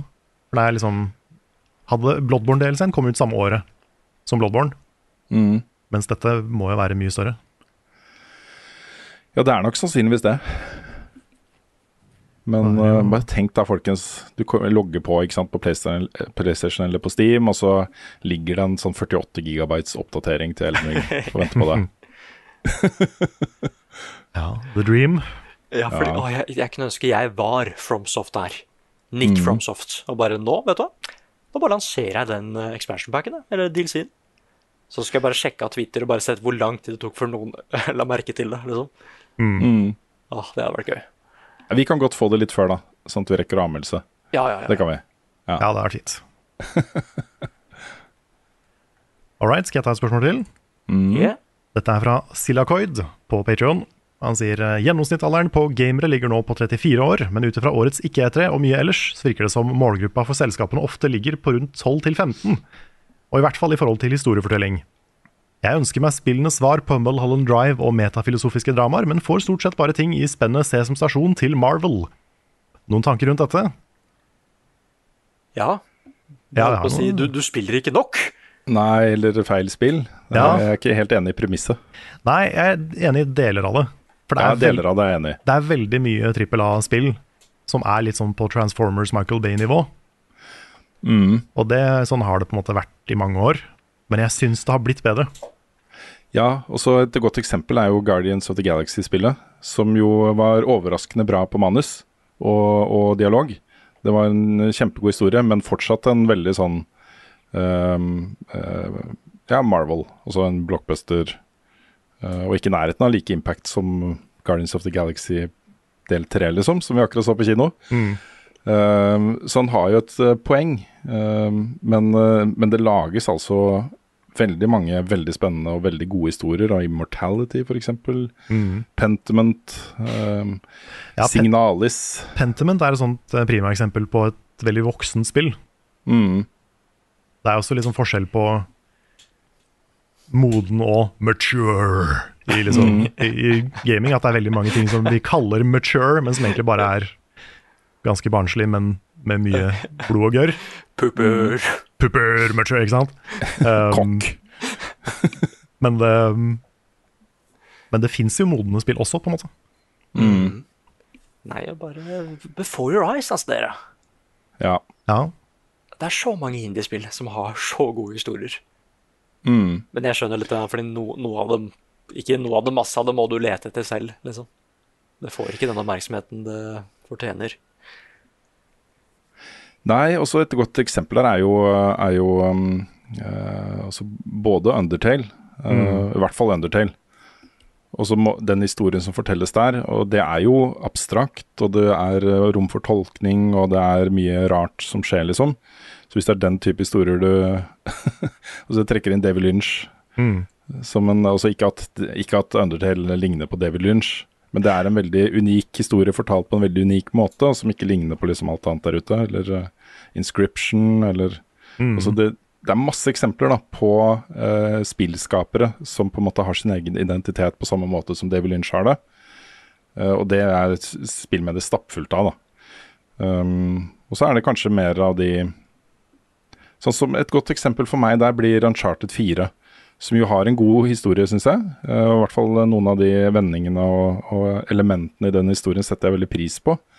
Men det er samtidig en veldig sånn historie som, som eh, blir lagt litt i bakspeilet. da. Den gjør, har ikke impact på den samme måte som en veldig sånn altså Memento eller uh, Mulholland Drive eller um, Det er en, det er en litt, litt sånn strømlinjeforma historie likevel. Det er godt fortalt uh, osv., men har ikke den samme impacten som den type filmer kanskje har. da. Så jeg skulle gjerne sett mer av det i, uh, i Triple A-leiren. altså. Control er et godt eksempel, hvor de tar seg en del friheter og eksperimenterer innenfor det narrativet, liksom, som, som de ikke forventer. da. Mm. Nei, også, og, og Marvel-greier kan være kult òg. Altså, bare Spiderman. Mm. Det er en konge Spiderman-historie, altså. Det er det. Jeg har ikke lyst til å pisse på den type historier.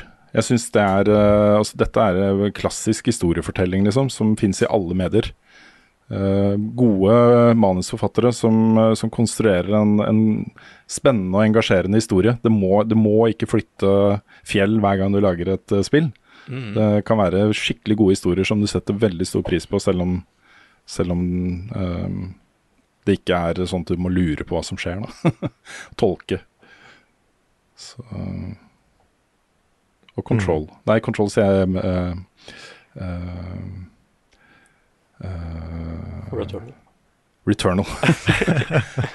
Returnal. Returnal. Ja.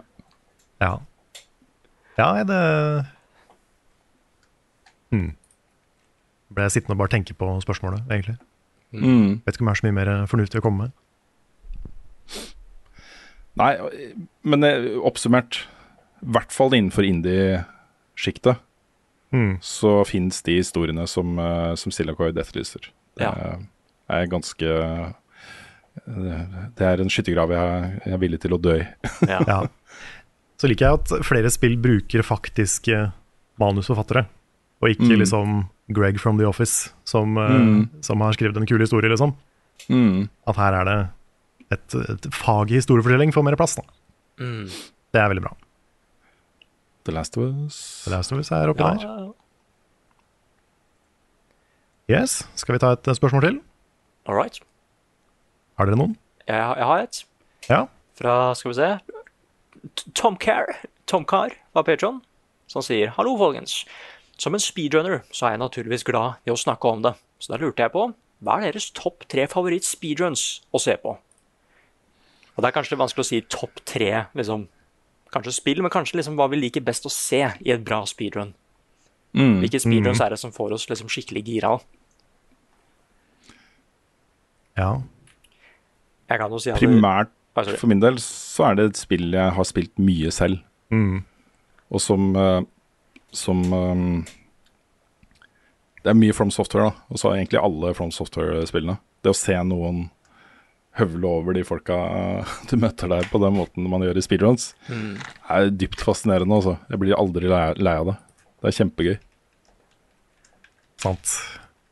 Jeg tror eh, de speedrunsa jeg liker best, er de som har Hvor det er veldig tydelig å se at de er gode i spillet.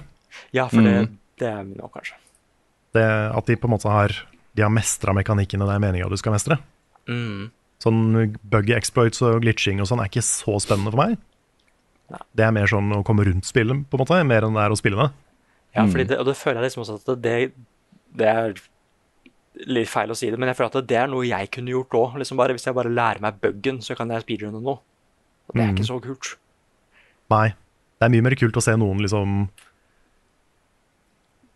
lipe opp til himmels og lande på toppen av et Shadow of the Crosses-beist, liksom. Mm. Eller å se de der sjuke ninja-skillsa folk har i Mario 64.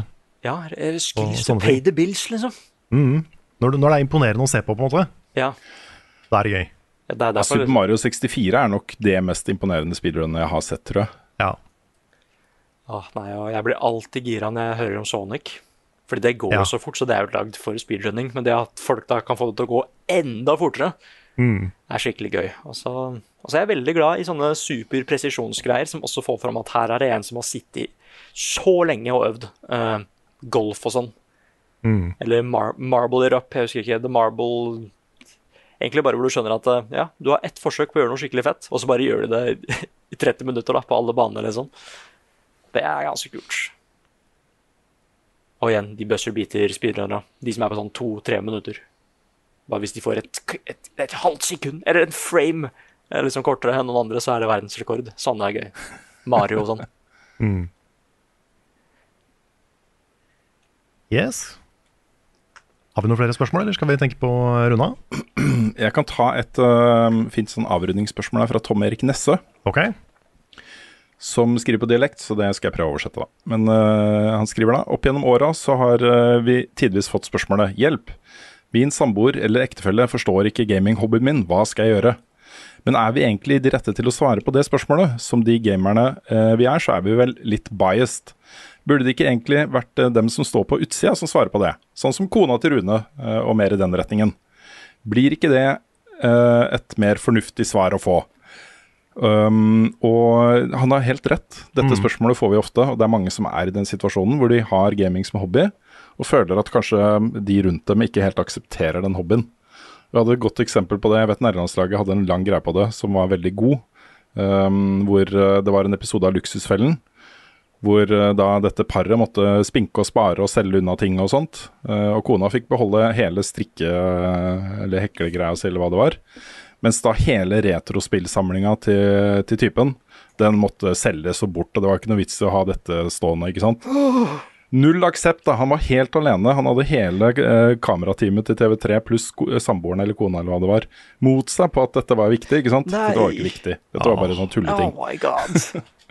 Men folk møter fortsatt den holdningen. eh, Mm. Men jeg tror eh, i mye mindre grad enn før. Og eh, jeg tror nok det er mange nå som bare eh, opplever at den aksepten for at man er interessert i spill, eh, er større enn den var før. Og så er det jo en utfordring som også vi som er spillere må eh, ta hensyn til når vi er i et forhold. Det er det at når man har sånne spill som, eh, som Tears of the Kingdom eller Diablo 4, um, som er sånn mange hundre timers investering i mange tilfeller, da, så um, er det, det er jo ikke bare bare å forsvinne fra resten av familien i den tiden det tar, og bare dykke ned i det og være, være 100 i det hele tiden, liksom. Det er sant, det. Det går an å ta litt hensyn andre veien også. Mm. Nei, det er, et, det er et vanskelig spørsmål å svare på, fordi eh, det er sikkert uh, varierende hvor mye man har lykkes med å få uh, samboere og venner og familie inn i spill. Mm. Det er jo en Jeg skjønner jo at det er en terskel og vanskelig å, vanskelig å sette seg inn i.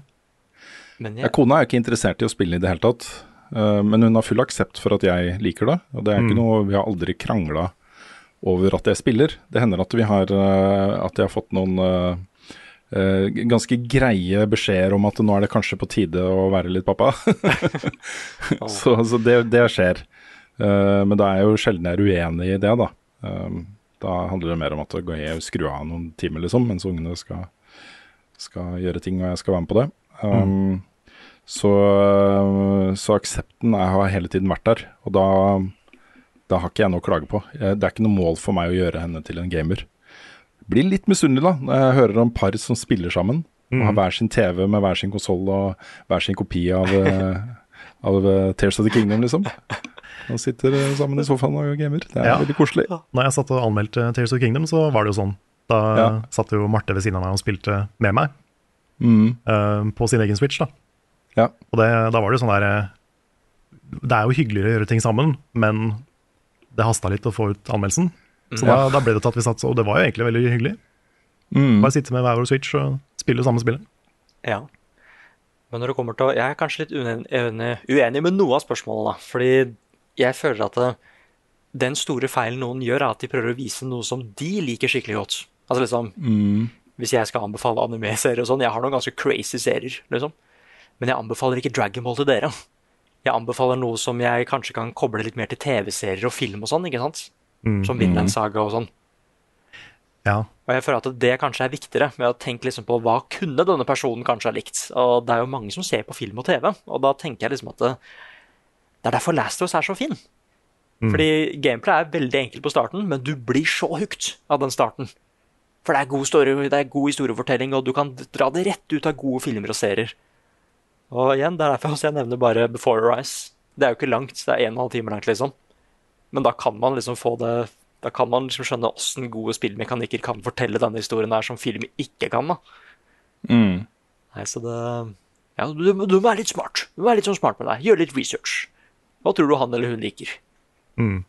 Ja, det handler nok mye om å finne liksom en inngang som gir mening Mm. for de du skal prøve å holdt på å si, frelse for en, et nytt medium. Mm. Men jeg har jo hørt veldig gode ting om sånn som The Witness. Ja. At det er mange, det er mange mammaer der ute som har blitt hekta på The Witness. Mm. Nei, liksom, ja. Pappa begynte å spille World of Warcraft. Og han sjekka ut Super Smash først og bare syntes ikke noe om det. Men det var noe som fanga han der, for han likte å lage sin egen karakter og gå på eventyr og sånn. Så jeg, jeg, jeg føler at du kan, du kan planlegge dette her litt, da. Hvis det ikke går da, derimot, da veit jeg ikke helt hva man skal gjøre. Men, eh, men jeg føler at du, du har flere muligheter nå til å vise, vise magien med spill enn det du hadde før. Mm. For, eh, for moro skyld så fikk jeg pappa til å spille starten på God of War 2018 i jula. Eh, ja. Okay. Og det er jo bare, bare han får kontrollen i hendene, så løfter han liksom skuldrene ganske mange hakk. Eh, Og eh, jeg tenkte liksom dette er kult fordi det er en far og sønn-historie, ikke sant? Mm. Uh, men pappa registrerer jo ikke det engang. Han bare sånn shit, jeg må styre et kamera, og what the fuck, liksom. Ja, det, Så det er 3D actionspill er en utfordring for nye ja, ja, akkurat det, det du sier om det kameraet, det er så sant. Mm. Jeg har prøvd å få foreldrene mine til å spille noen andre spill òg, men bare ja, men jeg skal bruke begge, begge joysticksene til kamera. Er det ikke sånn der? Åssen skal jeg bevege meg og styre kamera samtidig? Og jeg klarer faktisk ikke å forklare bare Nei, du you gotta get good. Du må bare Ja. liksom komme deg inn det, liksom. Så sånne mekaniske ting tar vi nok litt for gitt noen ganger. Ja, vi gjør nok det. Det tror jeg. Nei, det er ikke noe mål for meg å misjonere for, eh, for andre. Folk får lov til å være interessert i det de vil, og eh, jeg forstår at det å på en måte komme inn i spillmediet er, eh, det er vanskelig, altså. Det er det. Det er ikke det er, ikke, det er ikke for alle, liksom. Det er en kjempestor tidsinvestering i mange tilfeller. Mm. Og det å på en måte bare spille da, spill som tar en og en halv time å, å runde, og er interessante på måter som Altså det eh, Det skal litt til, da. Mm. Uh, for å få folk til å uh, bite på den kroken, tror jeg. Mm. Jeg, jeg skjønner samtidig hvor den der eh, impulsen kommer fra, med å ville misjonere litt. Mm. Eh, fordi jeg også har på en måte Det er ikke like viktig for meg nå som det var før. Men jeg skulle jo ønske at liksom familie skjønte litt mer hvorfor jeg er glad i spill. Fordi Mm. jeg merker noen ganger på det at liksom Jeg spiller mye fordi det er utfordrende. Da. Og det er sånn Nei, det er ikke derfor jeg spiller så mye. Det er ikke det, det er feil. Så det er, sånn, Er det også? Det, er, ja, noen ganger. Mm. Med, med noen type spill så er det det. Men det er sånn Mm. Da får jeg sånn der «Å, I, I wish you understood, liksom. Ja. Selv om ikke de spiller sjøl. Så jeg skjønner hvor den kommer fra. Den er litt sånn, den kan være litt sår, Mm. den der. Jeg passer på da med, med kona, og når, når det er på en måte eh, interessante elementer i spillet jeg holder på å spille, som, som er interessante ikke bare fordi det er i spill, men i litt sånn overført om hvem jeg er som mennesker, eller uh, ting som skjer i samfunnet, eller et eller annet. Interessante måter å fortelle historier på osv. Så, videre, så så forteller jeg, snakker jeg med henne om det. Jeg forteller liksom at dette skjedde i dette spillet, og sånn og sånn. Liksom, og så har vi en samtale om det. Det syns jeg er uh, spennende. Også jeg, jeg tror nok hun også setter pris på det, selv om det er ikke alt som går inn. så, um, så tror jeg hun eh, får litt bedre forståelse av hva liksom, det er med spillmediet jeg liker, da. Mm. Ja, en sånn dypere forståelse ser jeg litt etter òg, med at det er sånn, sånn der uh, Hvis foreldra sier sånn at eh, jeg, 'Jeg ser at du syns det er kult', ja, men jeg vil at du skal vite hvorfor det er kult. Ja, Ja, det er det sånn, er noe med det. Ja. Det er sånn Det er ikke bare den tingen dere tror det er, det er mer. Ja, ja, ja. Men ja. Det er kanskje sånn med alle interesser, alle hobbyer og alle kulturuttrykk. Mm. Mm. Sannsynligvis. Jeg vil tro det. Vi tror det. Og med det så runder vi av denne episoden av Level Backup. Dette har vært en podcast utgitt av moderne media. Låten i introen og outroen er skrevet av Ole Sønnik Larsen og orkestrert og framført av Kyosho Orchestra. Eh, vignetten er lagd av fantastiske Martin Herfjord. Du finner så å si alt vi lager på youtube.com slash levelupnord. Der finner du podcasten, der finner du videoer, anmeldelser, spilluka, det, det aller meste. Du kan finne streamene våre fra E3 på twitch.tv slash levelupnord. Der ligger det. Og du kan uh, backe oss med så mye eller lite du bare vil på patreon.com slash levelupnorge. Der uh, får vi fortsatt en stor andel av inntekten vår fra. Det er sånn vi kan holde på. Det er sånn vi har overlevd i over sju år. Det er sant. Mhm. Så det, det betyr vanvittig mye for oss. Vi har en eh, webshop på levelupnorge.myspedshop.no. Der har vi litt eh, T-skjorter og eh, merch. Ting og tang. Discord. Eh, communityet vårt er på discord.gg slash levelupnorge. Det tror jeg var alle tinga. Har du så stålkontroll, vet du. Vi trenger er- ikke Frida, vi. Nei, vi trenger fortsatt Frida. Jeg Jeg, jeg vil, vil heller at Frida skal gjøre det her enn meg. Frida er så mye proffere enn meg på det. Men hun kommer snart tilbake. Hun skal bare levere doktorgraden sin først. Det blir en bra fest i Trondheim. Det gjør det. Det gjør det. Så vi gleder oss til det. Du er tilbake, Frida. Mm. Og med det så avslutter vi denne episoden. Takk for oss, og ha det bra.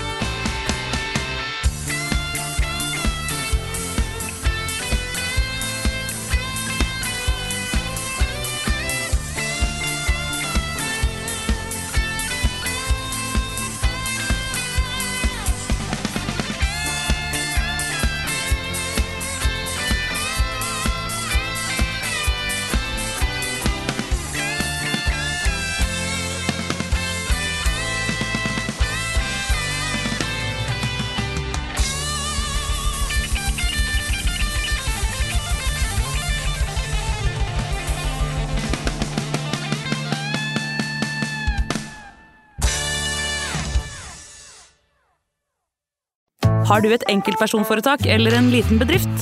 Da er du sikkert lei av å høre meg snakke om hvor enkelt det er med kvitteringer og bilag i fiken, så vi eh, gir oss her, vi. Fordi vi liker enkelt. Fiken superenkelt regnskap.